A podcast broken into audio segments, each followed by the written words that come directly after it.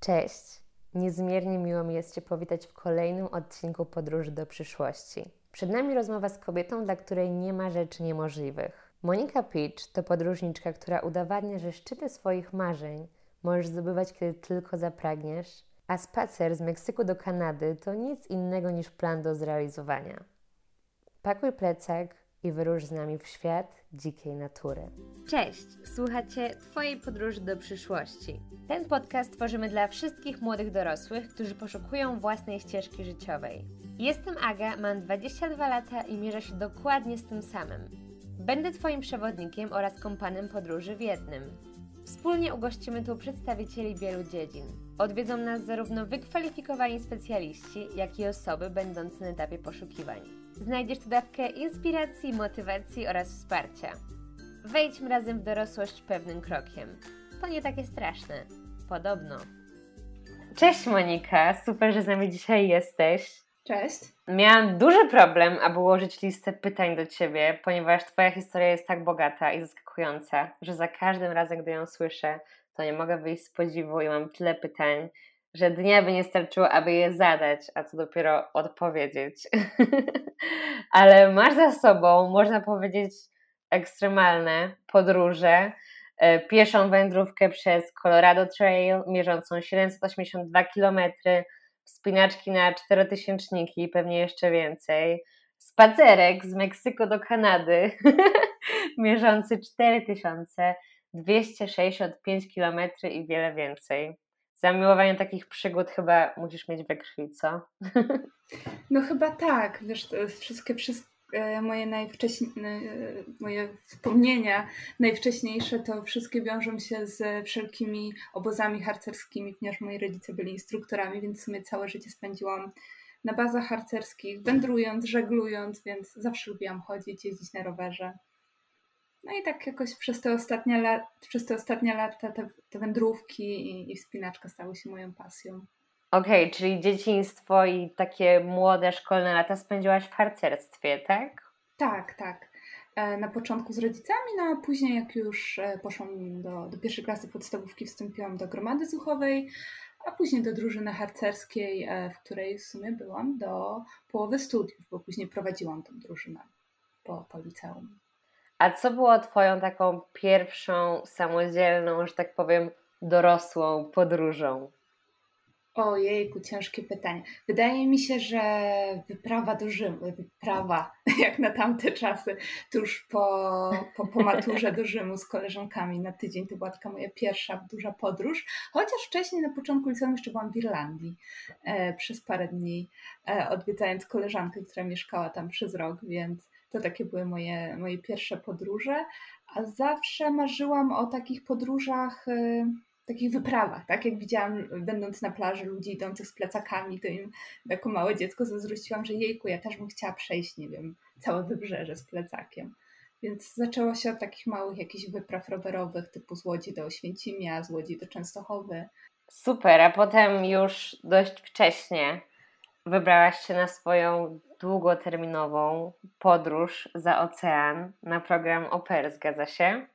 Tak. W ogóle moja koleżanka w 2012 roku uczestniczyła w wymianie Camp America.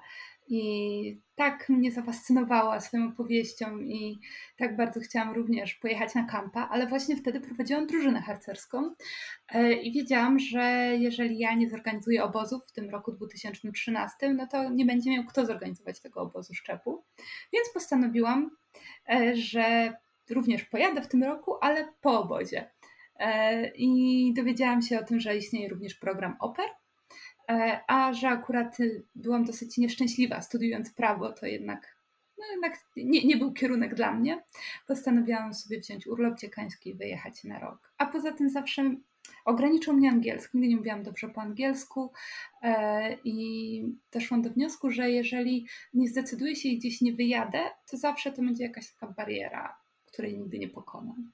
Jasne. Nasi słuchacze już tutaj świetnie znają ideę programu oper, więc ja po prostu zapytam Cię, czy podczas tego programu mogłaś w jakiś sposób realizować swoją pasję do natury, do wędrówek?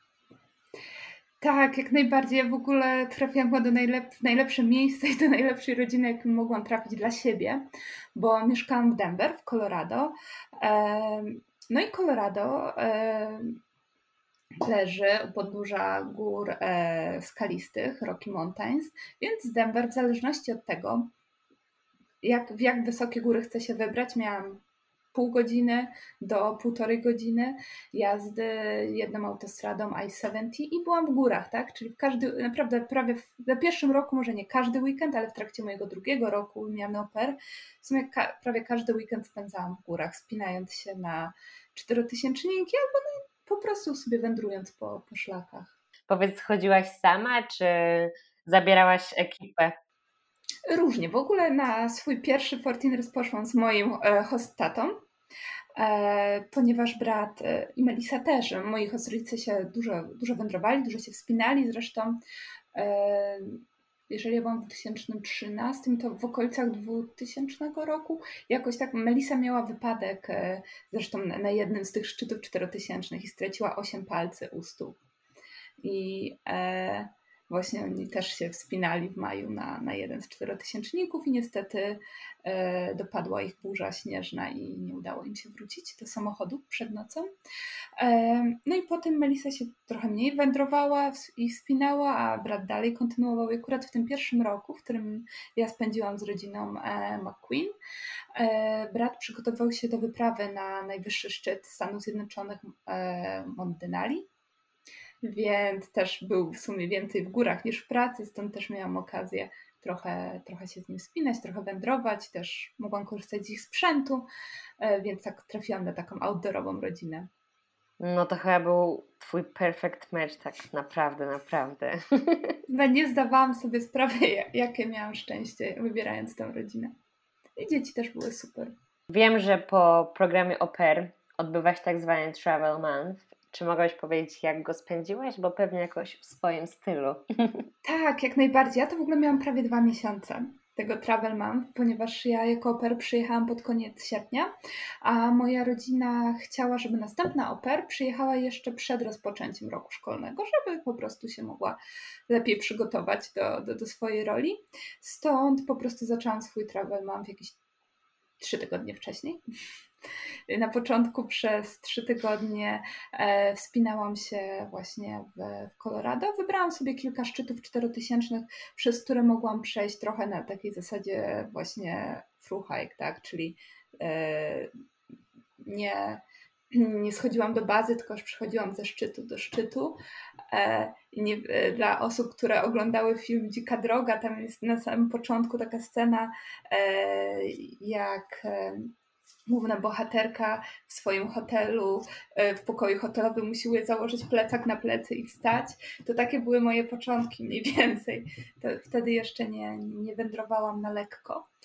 E, więc było ciekawie. Trochę byłam sama. E, przy kilku czterotysięcznikach odwiedzała mnie moja przyjaciółka, którą zresztą właśnie poznałam na początku mojego drugiego roku. Po prostu napisałam na grupie facebookowej, że jadę w góry i czy może chce ktoś dołączyć. I, i, tak już zostało, że już później razem jeździłyśmy w góry, nie tylko. E, więc na początku te trzy tygodnie w Colorado, później poleciałam do Seattle. Pozwiedzałam sobie Seattle, akurat spędziłam na couchsurfingu trzy dni u takiej pani, która jest pianistką i malarką e, i miałam okazję poznać Seattle i trochę posłuchać o, o Seattle i jej doświadczeniach. Ona akurat z tego względu, że gra na pianinie, bo jest zafascynowana Chopinem, to też była trochę zainteresowana Polską, więc miałyśmy jakąś taką nić porozumienia. Ale bardzo mi się Seattle podobało. Jako wielka fanka Nirwany e, wędrowałam po śladami Kurta Cobaina. Ze Seattle w ogóle przez te pół roku mm, przed rozpoczęciem, w sumie 7 miesięcy przed rozpoczęciem mojego Travel Month przygotowałam się do wspinaczki na Mont Rainier. To jest e, dla osób, które oglądają jakiekolwiek filmy lub seriale kręcone w Seattle, to poza Space Needle, którą zawsze widać na horyzoncie, widać jeszcze taki wulkan na horyzoncie, o ile nie jest pochmurno. To to jest właśnie Mont Rainier. E, I wspinałam się na niego przez dwa dni, a łącznie cztery dni trwał taki powiedzmy, że kursy wspinaczki górskiej, przygotowanie do, do tej spinaczki, więc jako oper, która usiłowała zaoszczędzić na, na wszystkim, żeby jak najwięcej podróżować. Właśnie łapałam stopa z moim wielkim 90-litrowym plecakiem, z całym sprzętem spinaczkowym i mniejszym, tak 30-litrowym plecakiem z przodu, właśnie z e, spod Seattle do miejscowości, do której podjechałam autobusem, później właśnie do tego Parku Narodowego Montrainier. No i tam rozpoczęłam swój e, kurs spinaczkowy, więc e, było nas 12 osób E, I na początku mieliśmy właśnie taki, e, tak, teoretyczne przygotowanie. Następnego dnia spędziliśmy e, cały dzień na lodowcu. No, przewodnicy sprawdzali, że każdy potrafi poruszać się w rakach z czekanem, potrafi się zasekurować w razie czego, gdyby zaczął zjeżdżać. Uczyliśmy się wchodzić, związ- będąc związanymi liną, więc no, taki był podstawowy kurs alpinizmu, powiedzmy. E, no i sama wspinaczka wygląda tak, że pierwszego dnia dochodzi się do granicy lodowca. E, sądzę, że byliśmy tam już koło 12-13, później od 18 już e, może trochę wcześniej spaliśmy, ponieważ o 23 trzeba było wyruszyć w górę. Montrainier e, nie jest trudny pod takim względem, że nie jest to góra bardzo stroma, w zależności oczywiście jaką drogę się wybierze, ale ma e, bardzo duże szczeliny, więc trzeba dobrze znać trasy, dlatego też postanowiłam wspinać się z przewodnikami. Więc od tej 23 do tej 6.30 udało nam się wejść na szczyt. E, nigdy w życiu nie byłam na szczycie wulkanu, więc było to niesamowite doświadczenie.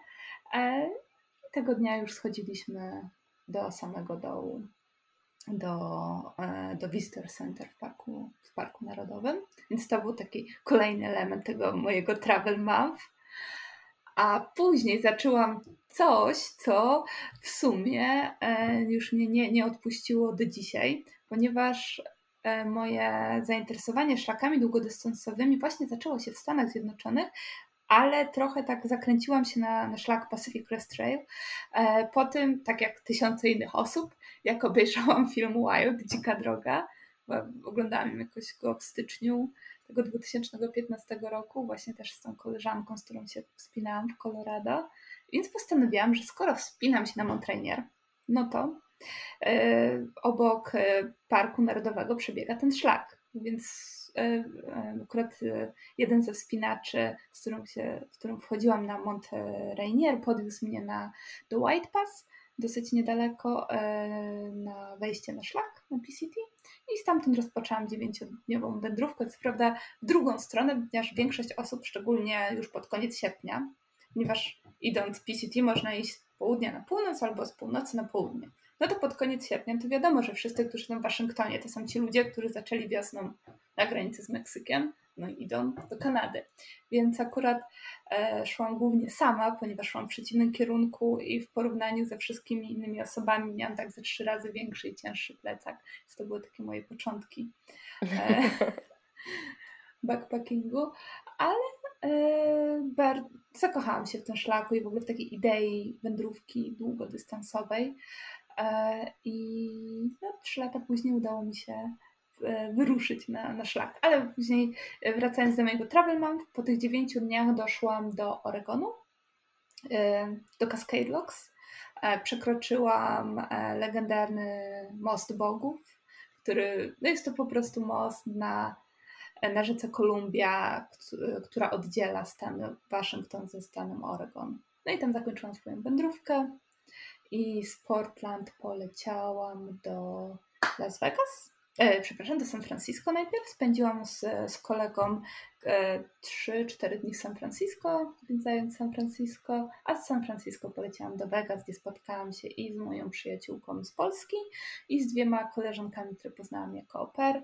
I e, na początku zrobiłyśmy sobie z moją przyjaciółką z Polski takiego road tripa, pojechałyśmy do Wielkiego Kanionu, pojechałyśmy do, do Bryce Canyon e, i później jeszcze spędzałyśmy czas e, w pobliskich kanionach w Las Vegas, bo większość osób kojarzy Las Vegas tylko i wyłącznie z kasynami i imprezami, a okolice Las Vegas są naprawdę przepiękne i bardzo polecam je na wędrówki czy wspinaczkę. Naprawdę niesamowite miejsce, nie trzeba się ruszać daleko z Vegas. No i już po po kilku y, dniach w Las Vegas wróciłam do Denver przepakowałam się, no i wróciłam do Polski. Tak wyglądał mój w sumie półtora miesięczny travel month. Jestem absolutnie w szoku. Twój travel mam wyróżnia się chyba na tle wszystkich tych, które odbywają zwykle oper. E, niesamowita historia. Chciałam powiedzieć, że całe Twoje podróżnicze życie się nadaje na książkę, ale chyba tak naprawdę każdej małej wędrówki mogłabyś napisać książkę i nie wiem, czemu tego jeszcze nie robisz. Myślałam nad tym, muszę popracować jeszcze nad moimi zdolnościami pisarskimi, ale ale sądzę, że udało mi się zabrać trochę materiału i mam nadzieję, że coś w przyszłości powstanie. A jak program wpłynął na Twój rozwój, nie tylko pod kątem pasji, bo to już wiemy, że wpłynął i weszłaś na zupełnie inny poziom, ale również charakteru osobowości? Na pewno bardzo poszerzył moje horyzonty. Wyjeżdżając z Polski byłam osobą, wydaje mi się, że otwartą, ale no jednak żyłam w takim. E, no, polskie społeczeństwo nie jest zbytnio urozmaicone, tak? Wszyscy są, e, mają, przynajmniej wtedy tak mi się wydawało, podobny światopogląd. E, I niewiele wiedziałam o świecie, tak? Znałam świat z, z, perspektywy mieszkania w jednym miejscu, z perspektywy tego, że skończyłam liceum i przez później niecałe trzy lata jeszcze studiowałam prawo. E, więc na pewno e, udział w programie OPER sprawił, że stałam się zdecydowanie bardziej samodzielna i odważna w podejmowaniu decyzji, bo jednak wyjechanie na, na rok, nie znając dobrze języka, na drugi koniec świata wymaga jakiejś tam odwagi. E, I wydaje mi się, że wszyscy, którzy właśnie biorą udział nawet w krótszych wymianach, e, zdecydowanie są bardziej pewni siebie i są, uczą się ufać sobie i e, uczą się podejmować decyzje, więc to na pewno mi pomogło. Jeżeli chodzi o jakoś taki mój, mój rozwój tutaj, jeżeli chodzi o edukację i karierę, to chciałam powiedzieć, że dużo zmieniło, a z drugiej strony znowu po programie OPER wróciłam na prawo i usiłowałam je skończyć, ale to, to, to się nie udało. Więc pod tym względem aż tak dużo nie zmienił. Ale na pewno zaszczepił we mnie chęć podróży. Okej, okay, super. No właśnie, i wróciłaś do Polski. I co dalej? No już wiemy, że z prawem nie poszło, więc zgaduję, że znowu gdzieś tam uciekłaś na szlaki. No, no w sumie tak. I te, te dwa lata po powrocie z opery trochę tak żyłam od wakacji do wakacji, ponieważ e, w 2016 roku wzięłam udział w e, wymianie Camp America i byłam na kampie w Maryland, e, w, na Rodney, Rodney Scout Reservation, czyli na obozie scoutowym na Zatoce Chesapeake. E, więc było to super doświadczenie. W sumie nie spędziłam poza tym czasem orientation, e, poza tym Nowym Jorkiem. Nie spędziłam czasu w ogóle na East Coast, więc miałam okazję doświadczyć e, upałów i bardzo dużej wilgotności. Ale na kampie prowadziłam zajęcia z Citizenship in the World, czyli rozmawiałam ze skautami o, o świecie, o, o tym, jak ludzie na świecie się różnią, o organizacjach międzynarodowych, o różnych problemach społecznych. I e, druga rzecz, którą się zajmowałam, to prowadziłam e, zajęcia na ściance spinaczkowej. Więc jak dla mnie idealnie. Tak spędziłam te, te, te wakacje w 2016 roku. Czy miałaś możliwość podróży podczas programu? Jeśli tak, to, to, to jakie te podróże były i dokąd się udałaś? E, tak, no jak najbardziej. Jak każdy wyjazd na tej wizie J1, później miałam 30 dni po zakończeniu programu. E, podróżowałam 3 tygodnie. Na początku e, spędziłam trochę czasu u kolegi, który mieszkał niedaleko Ocean City.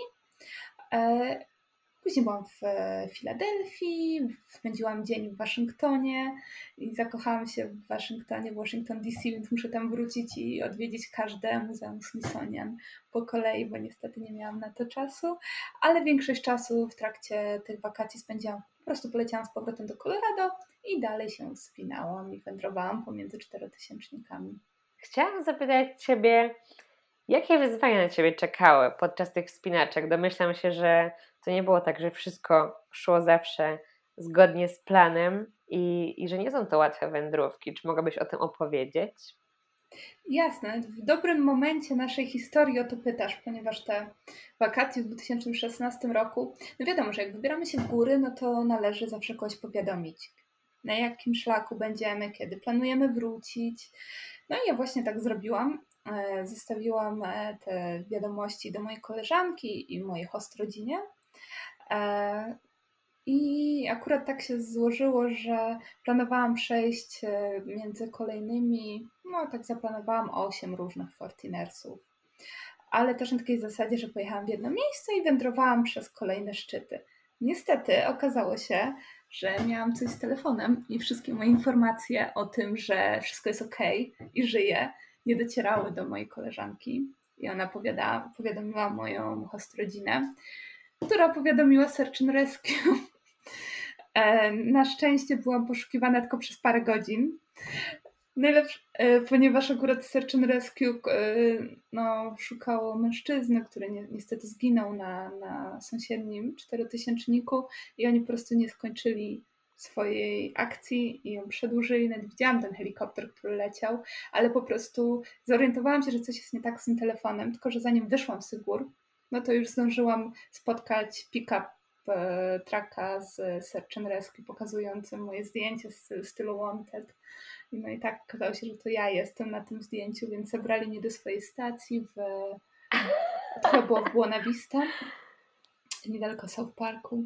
E, no, no i zadzwoniłam do, do oczywiście do, do mojej host rodziny, powiadomiłam, że wszystko jest ok, bo właśnie e, brat, mój hostata e, jak tylko się dowiedział, że no, Marcina nie ma ode mnie żadnych wiadomości, no to wsiadł w samochód, pojechał i biegł na dwa czterotysięczniki i mnie tam nie znalazł i planował iść dalej, ale no, jak mówię, to było tylko kilka godzin, e, więc e, na szczęście wszystko skończyło się dobrze.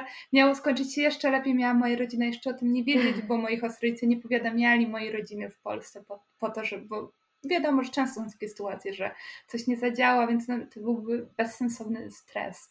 E, ale mój kolega opublikował właśnie moje zdjęcie na grupie e, osób, które się wspinają właśnie na czterotysięczniki w Colorado, tylko opublikował je publicznie, nie, nie na grupie.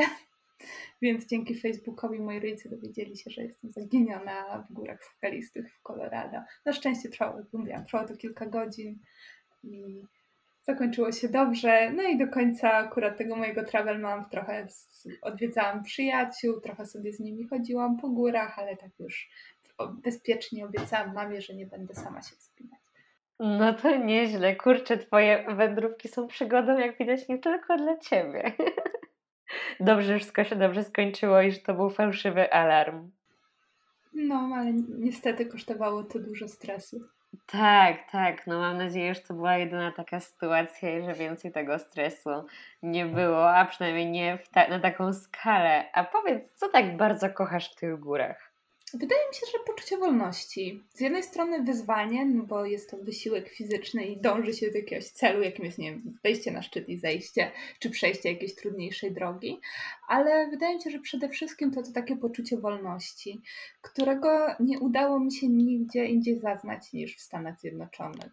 Sądzę, że wynika to po prostu z wielkich przestrzeni i z tego, że te dzikie tereny no, no nie są aż tak uczęszczane przez ludzi i i można być sam na sam z naturą, no i tą niekończącą się po horyzont dziką przyrodą. No, Stany były dla Ciebie chyba rajem na ziemi i wiem, że w 2017 roku spełniłaś marzenie każdego amerykańskiego skauta. Co to było? Tak, właśnie. Będąc e, w 2016 e, na wszyscy mówili o tym, kiedy byli w Filmont albo kiedy pojadą do Filmont. Filmont to jest baza e, skautowa, która mieści się w Nowym Meksyku, w północnej części Nowego Meksyku, bardzo blisko Taos, około dwóch godzin drogi od Santa Fe. Pewien miliarder przekazał ją skautom. W ogóle cała posiadłość jest większa od Nowego Jorku, więc tutaj można sobie wyobrazić, jaka to jest, jaka to jest skala. E, I na terenie Filmont mieści się dwadzieścia kilka, nie, nie pamiętam teraz dokładnie, ale ponad 20 takich mniejszych kampów. I tam obozy są e, taką małą ekspedycją. Skauci przyjeżdżają, E, spędzają 2-3 dni w basecampie i później wyruszają od, od jednego obozu do obozu, wędrują z plecakami. No i każdy obóz ma jakąś inną tematykę. Ja pracowałam na obozie wspinaczkowym, akurat w Filmont były trzy różne obozy wspinaczkowe. No i jak skauci na przykład przychodzili do nas, to spędzali u nas w, w Simarancito e, cały dzień, no i cały dzień się z nimi wspinaliśmy. Robiliśmy im taki mały kurs a propos bezpieczeństwa, w ogóle a propos podstaw wspinaczki, po prostu ich asekurowaliśmy na wędkę. Ale były różne e, kampy. Były kampy konne, e, było, było łucznictwo, były takie historyczne, także osoby, które na tym danym kampie pracowały, były przebrane za pionierów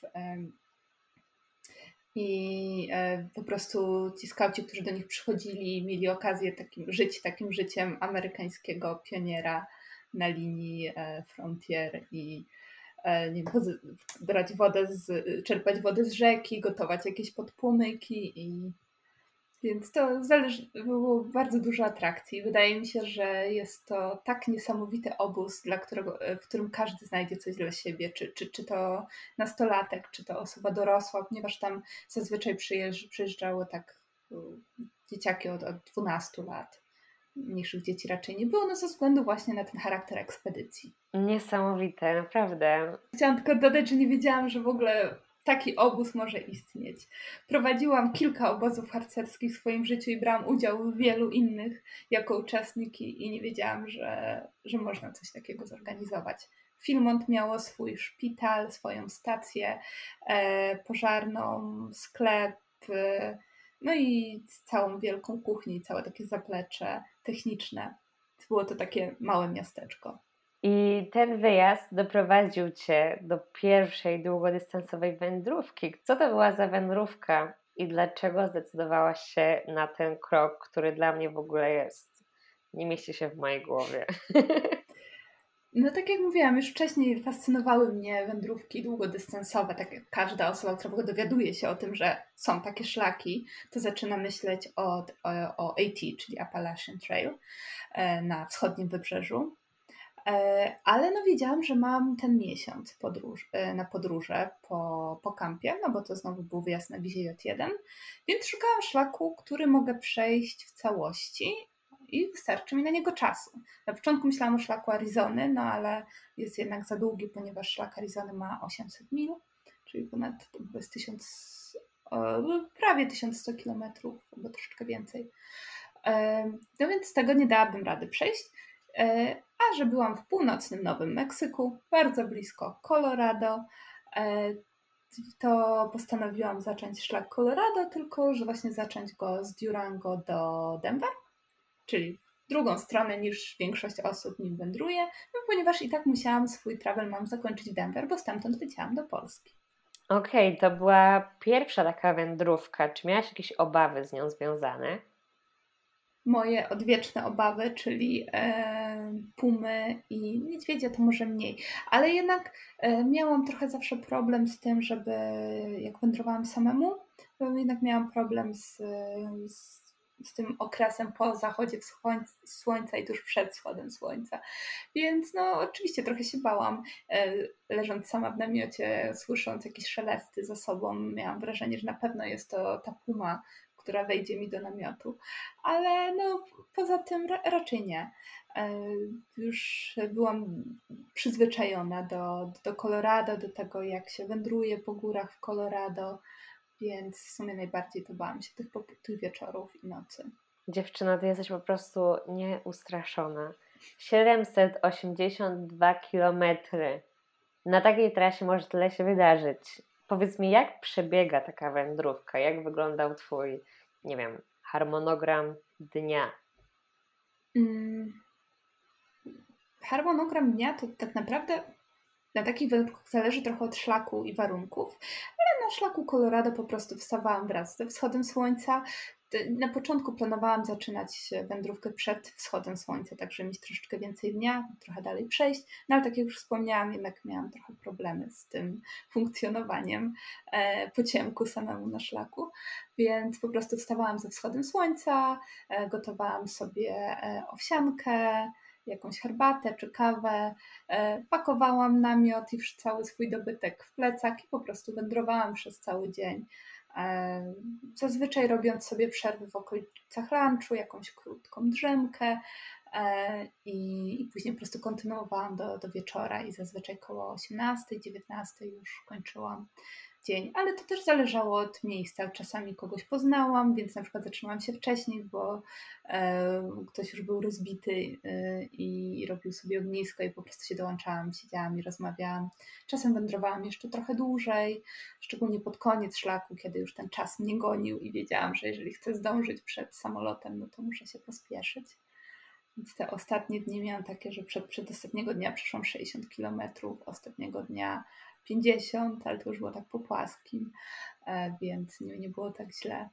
E, no i raz na, na w zależności od e, momentu tego szlaku, ale raz na 4, 5, 6 dni zawsze miałam przerwę w jakimś miasteczku i zazwyczaj po prostu zatrzymywałam się w jakimś hostelu, robiłam zakupy albo w ogóle większość rzeczy też wysyłałam sobie w paczkach. To jest cudowne.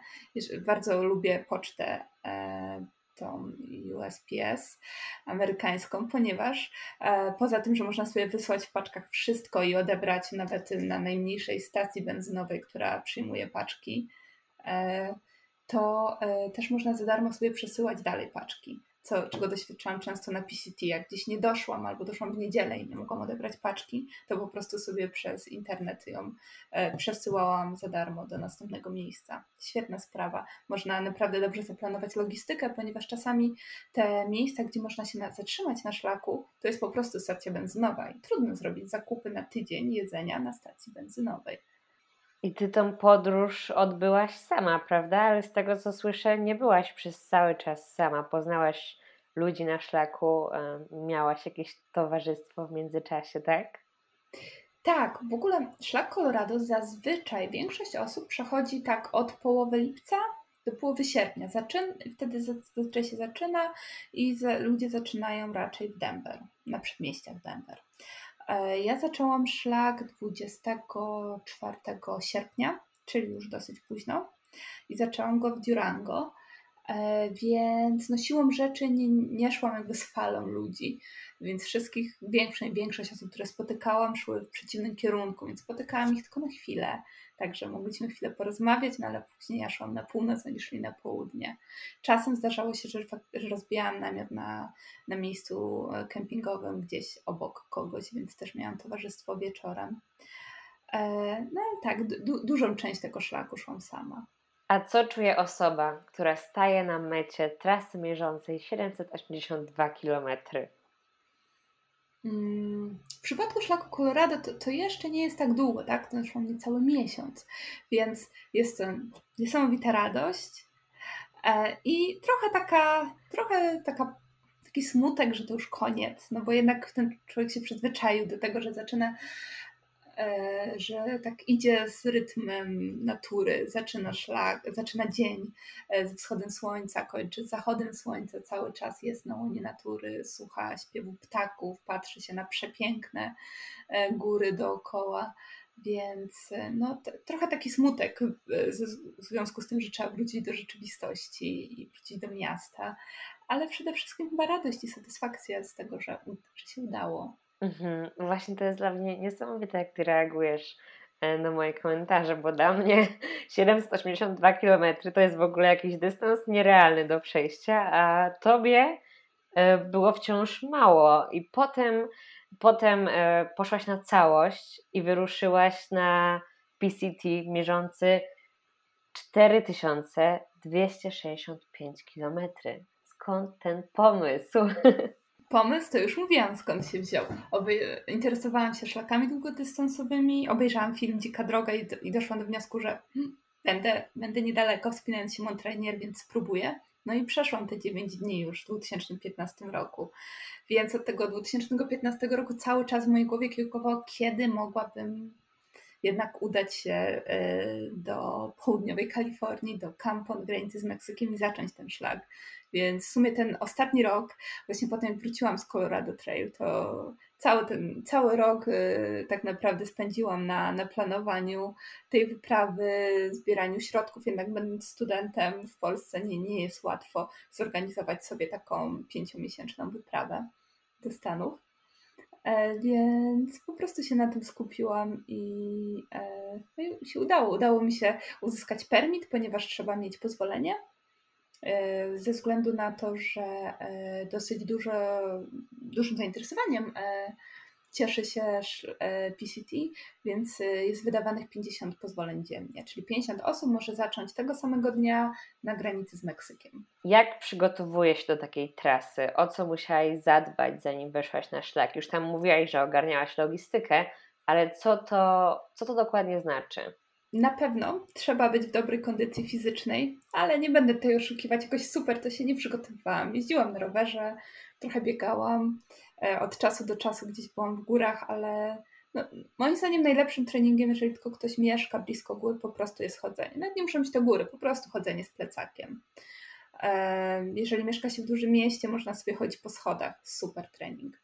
Więc trzeba być w dobrej kondycji fizycznej, ale tak naprawdę przy takiej długiej wędrówce to z dnia na dzień ciało się przy, przy, przystosowuje do, do takiego rytmu dnia. I ja, ja akurat na PCT robiliśmy tak do 40 km dziennie. Staraliśmy się robić te 25 mil dziennie, ale to różnie wychodziło, więc powiedzmy, że takie 30 do 35 km to taki był standard. Ale jak się należy przygotować? No jest bardzo dużo różnych strategii. Ja akurat dużo jedzenia zabrałam z Polski. E, wyjechałam z taką wielką torbą ekspedycyjną.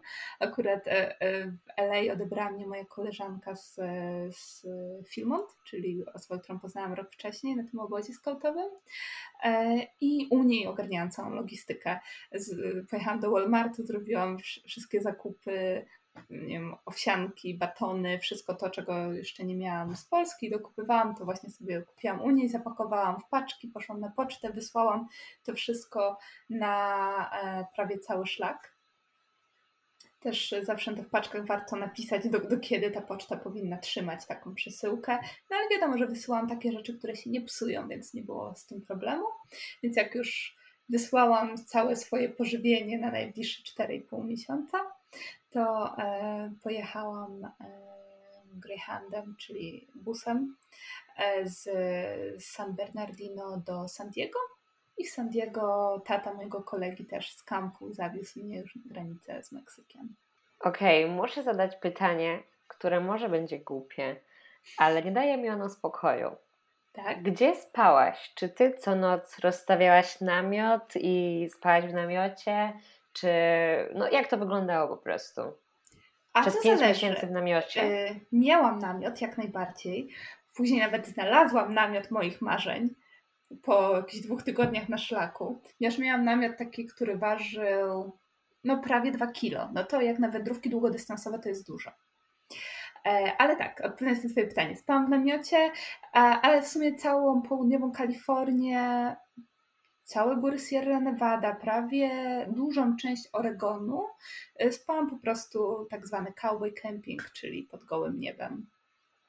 Tak jak trzeciej nocy, pierwsze dwie noce spałam w namiocie, trzeciej nocy zaczęliśmy cowboy camping, tak, tak w sumie kontynuowaliśmy do, do, do, do Oregonu. I w Oregonie powoli zaczęliśmy spać w namiocie, co wynikało głównie z tego, że było dużo komarów. Chociaż w Kalifornii też czasem spaliśmy w namiocie i głównie wow. było to spowodowane dużą ilością komarów i chęcią ucieczki przed nimi. Okej, okay, no na tej trasie to już na pewno się wydarzyły jakieś przygody, o których musimy usłyszeć. Czy możesz nam je zdradzić?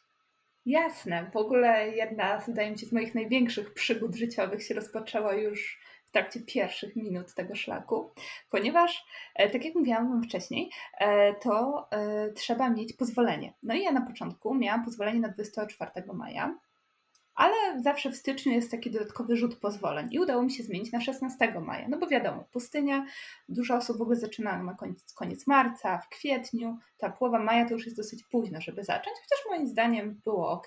Nie, nie było to problematyczne, może było trochę cieplej niż dla osób, które rozpoczęły wędrówkę wcześniej. No i mój obecny narzeczony e, również zaczął tego dnia e, wędrówkę, również na początku miał pozwolenie na 24 maja, i też kilka dni przed rozpoczęciem szlaku udało mu się zmienić na 16 maja, więc o tym wschodzie słońca na, e, przy tym monumencie oznaczającym początek szlaku e, poznałam mojego obecnego narzeczonego, e, Chrisa, który przyjechał z Niemiec, który na początku planował przebiec ten szlak, a potem stwierdził, że, że jednak go przejdzie, bo dzięki temu, że przejdzie, no będzie mógł się bardziej nim cieszyć, delektować, mniej rzeczy go ominie nie będzie musiał się spieszyć. Więc y, no, ciekawa sprawa. E, wiecie, wszyscy zawsze pierwsze zdjęcie poza zdjęciem monumentu, to takie zdjęcie znaku oznaczającego, że przeszło się pierwszą milę. No i że jeszcze zostało tam e, ca cała reszta do Kanady. No my niestety nie mamy takiego zdjęcia, ponieważ e, tak jak poznaliśmy się pod tym monumentem, po prostu się zagadaliśmy i tak ustaliliśmy, że oto dzisiaj sobie przez chwilę powędrujemy razem, ale niestety tak się zagadaliśmy, że zgubiliśmy drogę jeszcze przed osiągnięciem pierwszej mili, co chyba nie świadczy dobrze o wędrówce, która ma się rozciągać na 4265 km, że po ledwo pierwszym kilometrze się zgubiliśmy. No, ale później znaleźliśmy drogę i, i wróciliśmy na szlak. E, I w sumie przez całą, Kalif- e, przez całą pustynię wędrowaliśmy jako tacy partnerzy ekspedycyjni, a od końca pustyni już jako para. No i tak udało nam się dojść do końca szlaku. No, taki niesamowity zbieg okoliczności. Kilka razy usiłowałam go zgubić na pustyni, ale nie wyszło. Mówiąc o piścinie, no nie wiem, wydaje mi się, że ciężko jest wybrać jakoś tak, że że była jakaś jedna wielka przygoda, ponieważ ten szlak i ta wyprawa składa się z tych 127 dni, bo tyle zajęło mi przejście tego szlaku i, i codziennie no, doświadczyliśmy bardzo dużo jakichś takich aktów, małych aktów dobroci, na przykład pod autostradą dziesiątką, yy, czyli przy Palm Springs. E, znaleźliśmy e, całe kulery pełne e, coli, jakiejś innej sody, piwa, frytek przywiezionych z in and out. Więc tak wiadomo, że wędruje się dla widoków, ale tak 90% rozmów osób wędrujących szlakami długodystansowymi są to rozmowy krążące wokół jedzenia, ponieważ jest się wiecznie głodnym. Więc tak naprawdę wydaje mi się, że ja bym mogła dzisiaj jeszcze powiedzieć o każdym posiłku, który jadłam w restauracji na szlaku.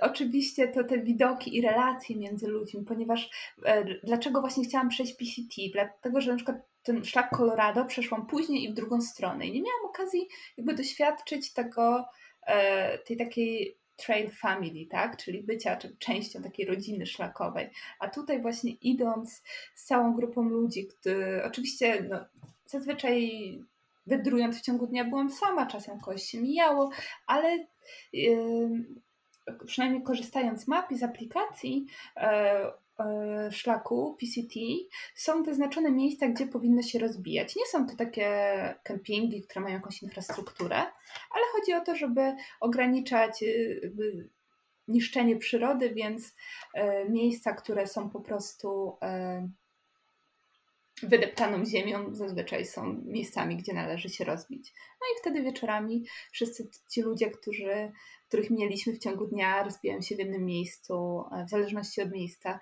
Czasem no, na, na pustyni nie można było rozpalać ognisk, później już można było też czasem na początku, bo później rozpoczęły się pożary, więc nie było takiej możliwości, ale przez krótki czas można było posiedzieć razem przy ognisku, porozmawiać e, i e, poznać ludzi z całego świata. Myślałam, że tak naprawdę będzie więcej tylko Amerykanów, a było bardzo dużo osób z Niemiec, ze Szwajcarii, z Korei Południowej, co mnie też zdziwiło, było bardzo dużo osób z Korei, trochę osób z Izraela, e, więc jest to taki wielonarodowy szlak. E, a z takich przygód, zastanawiam się, czy w ogóle jestem w stanie wybrać jakąś taką przygodę, przygodę, ale na przykład raz e, obudziliśmy się z obudziliśmy się, no i od rana powinno być tak chłodniej, a czuliśmy taki żar z lasu i spadały, spadał popiół z nieba. Okazało się, że rozpoczął się bardzo duży pożar.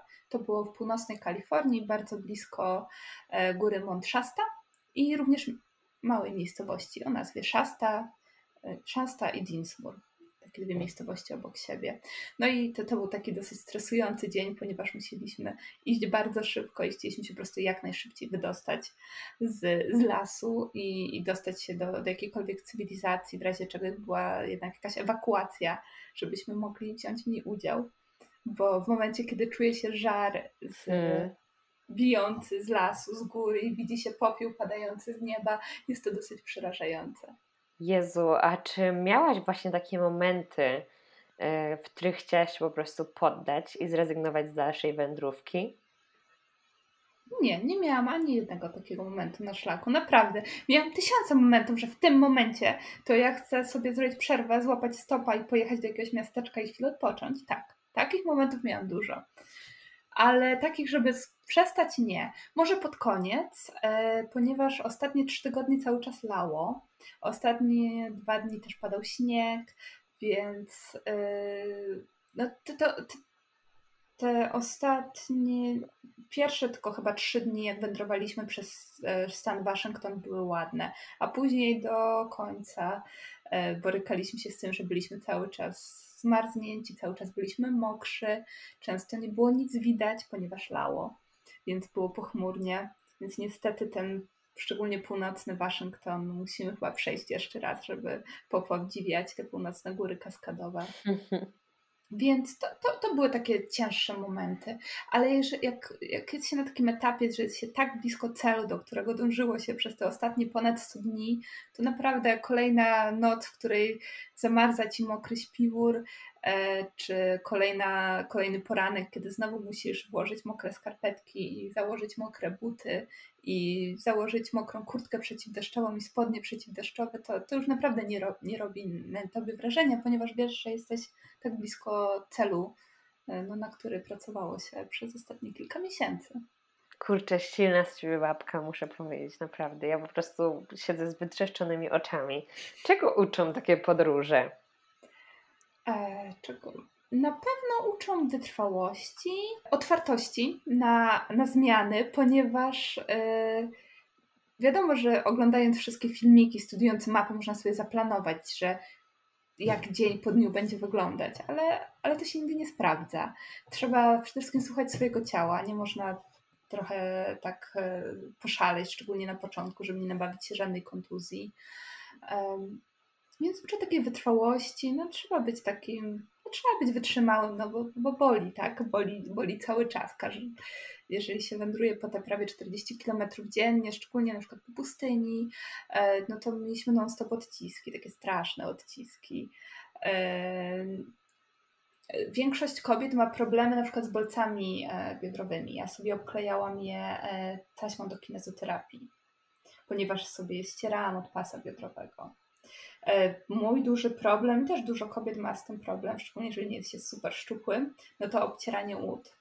Więc całe odparzone uda, e, więc też później sobie po prostu kupowałam e, bieliznę taką, po prostu slipki dla mężczyzn, takie obcisłe sportowe bo dzięki one są dłuższe. Niestety większość damskiej bielizny nie jest na tyle długa, a tak do połowy uda jest idealnie, bo wtedy się nie obciera ud i można iść. Są takie małe szczegóły, ale naprawdę mogą zmienić całe życie na szlaku. Bardzo puchną nogi, więc ja mam rozmiar 39, a moje ostatnie buty na szlaku miały rozmiar 41.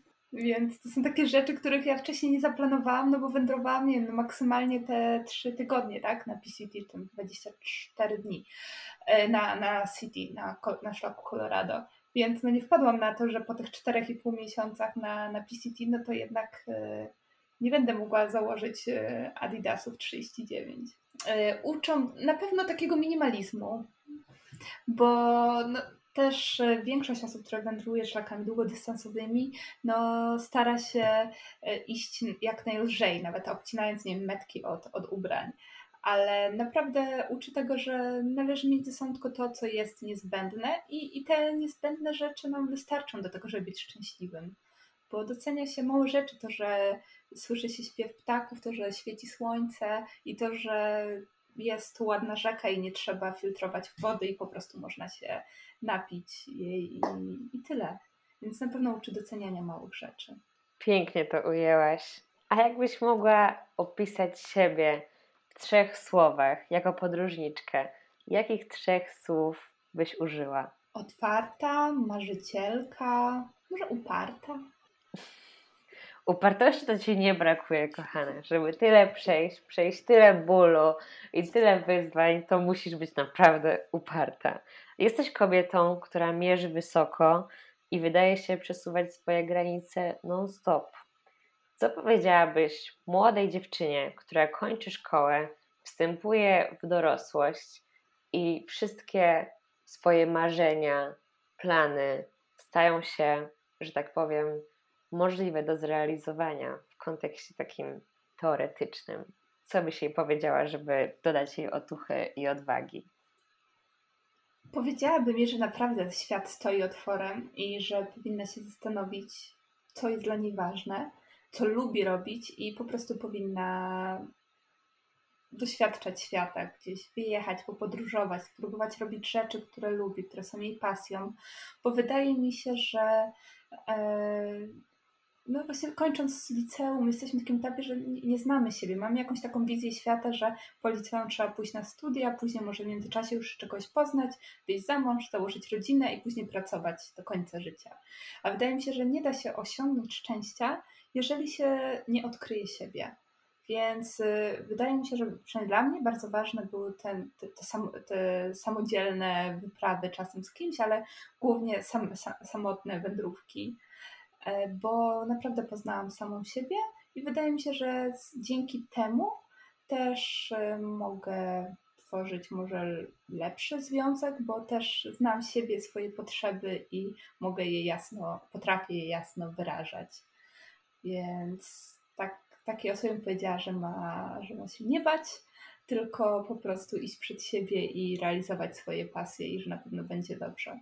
Jasne. Monika, dziękuję Ci bardzo. E, mogłabym z Tobą jeszcze rozmawiać na ten temat godzinami. Czekam na Twoją książkę albo książki. Już wiem, że będę fanką numer jeden i zbiorę całą kolekcję, więc bierz się do roboty, bo czekamy, wszyscy czekamy na, na Twoje książki, na Twoje przygody na papierze, bo na pewno będą genialne. Jestem tego pewna już w tym momencie, choć nie przeczytałam jeszcze ani jednego rozdziału i ani jednego zdania. Dziękuję Ci bardzo za tą niesamowicie inspirującą rozmowę. Życzę Ci wszystkiego co najlepsze, aby mm, Twoje wędrówki zawsze były takie wspaniałe, abyś zdobywała jeszcze wyższe szczyty i się spełniała i była przede wszystkim szczęśliwa. Życzę Ci szerokiej drogi. Bardzo dziękuję i bardzo dziękuję za rozmowę. Dzięki wszystkim za wysłuchanie tego odcinka. Widzimy się, a raczej słyszymy już w następnym. Do usłyszenia.